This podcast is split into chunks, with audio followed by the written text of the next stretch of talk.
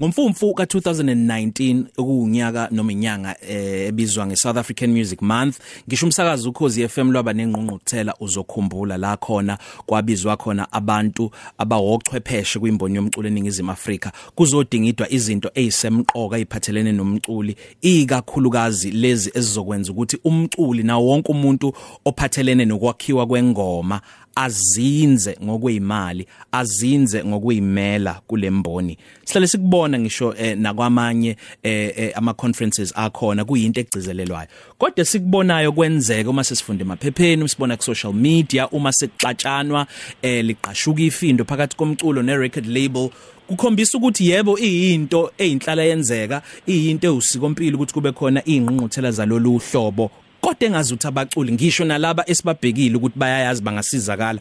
Abasizakali ngalendlela okumele kungabe basizakala ngayo. Kuzoba khona ke isamu workshop ezoba ngomhla ka27 lapha eNewtown ivirtual ngenxa yokuthi phela sisakuyona ilockdown. Sixoxa nomnumzane ubheki Mlambo ohleli lapha ya kuma South African Music Awards Advisory Committee usihlalo wetaskим yama SAFTA aphinda abe futhi udeputy chair weRiza weRiza Audio Visual okuyi RAV mnzana umlambo kuyintokozo ukuthi sixoxe nawe sawubona. Eh ninjani? Mshongo njani mfowethu nabalale emakhaya. Siphilile. Nayi samu workshop iza nani yona okuhlukile kulezi ithangami lezi ingqungquthela ama workshop ama seminars ahleze khona ngokulicenswa ama royalties njalo njalo. Yini yona eza naye okuhlukile? Ngisho mfowethu ngithi yabona le ngqungquthela or le project eh ikhuluma nabantu abangathinti ukucreatewa komculo. Eh isikhathi engisevile in the music industry ngiyabona igap yokuthi yebo siyabahosta lama workshop ama conference kodwa khona abantu esibashiyayo in the music industry value chain of which abantu abasebenzisa umculo in public. Eh so that i public iyazi lezo ngoma lezo esuke iphumile from the record labels. Now this workshop or this project ikhuluma nabantu okuyibona abasebenzisi bomculo. Eh lapho ngibala ama broadcasters ngibala izitolo ngibala o DJ ngibale ama club ama venues le le project noma le workshop ikhuluma nalabantu abanjalo so that they clearly understand their role in the music industry value chain. Ngoba ukufundisa ama artists ngibonile sekwande kakhulu. Now ake sifundise laba bantu laba okuyibona abaletha i revenue imali in the music industry. Ngikusiyamhlongo ngihlalele ekhaya ngiyathanda ukudlala iradio ngidlalele phezulu. Ukudlala kwami kanti ingoma kungangenza ngizuze noma yimini okumele akhokhe? Eh wena usiyamshongo lapho ngeke ize ikuthinte wena ngoba wena uvulele umsakazi. Umuntu esikhuluma naye noma emthintayo le project umsakazi qobo lwakhe ngoba yena usedlalela izinkulungwane zabantu. Ingoma yeartist.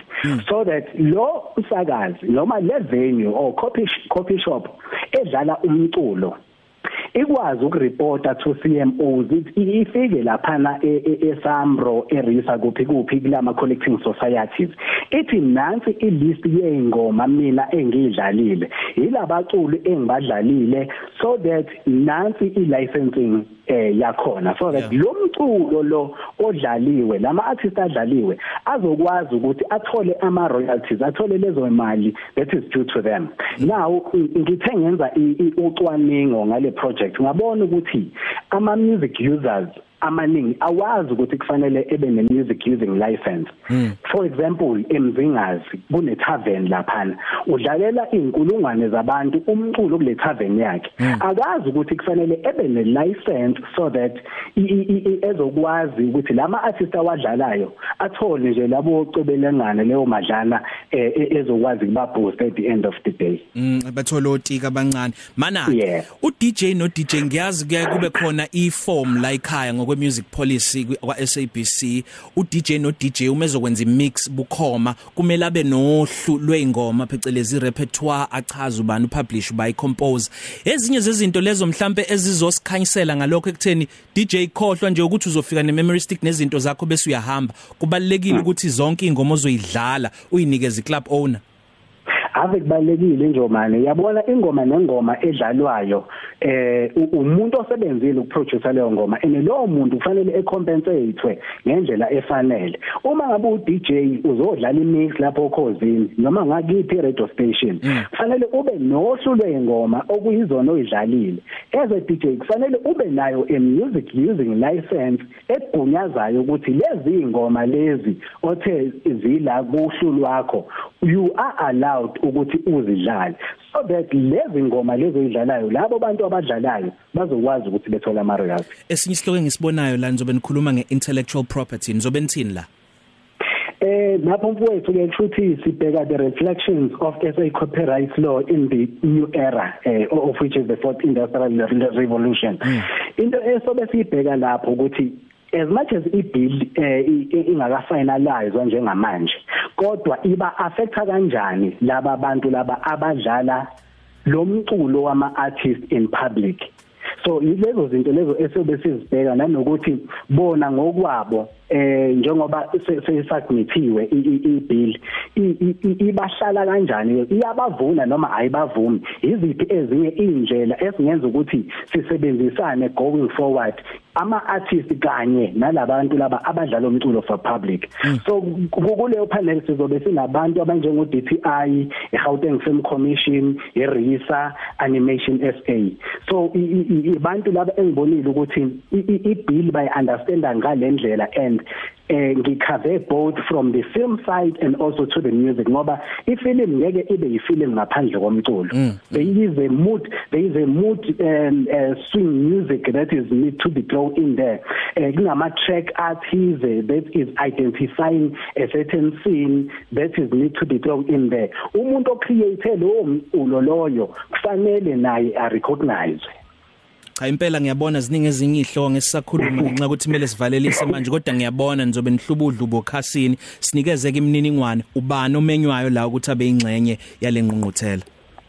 Eh ngingathanda ukusho ukuthi nkosami ngiyaxolisa kakhulu eh aba creator bomculo ama artists noma ama producers eh ayikhulumi nabo direct eh le le le ngqongqothela.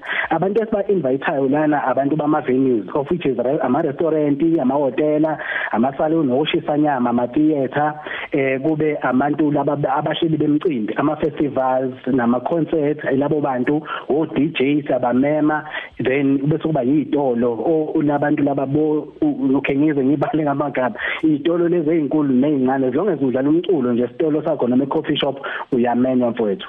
Nomzana Mlambo sibonga kakhulu. Wena ku social media? Eh ku social media abantu bengasilandela bengathi nje South African Music Users eh ku Facebook then on Twitter it's Samu Marketing. Then mina ke kuzo zonke ilento izinkundla zokuxhumana eh @utenstana then bengasimailela ku samuworkshops@gmail.com Konjoba nomlambo omaphisa umaphisa yebo umdineka sibonga kakhulu ukuxoxa nawe. Ngiyabonga kakhulu manje ngiyabonga mfowethu. Sengathi bengaba impumelelo leyo ngqungquthele zoba ngomhla ka27 ehlelwe uSamu.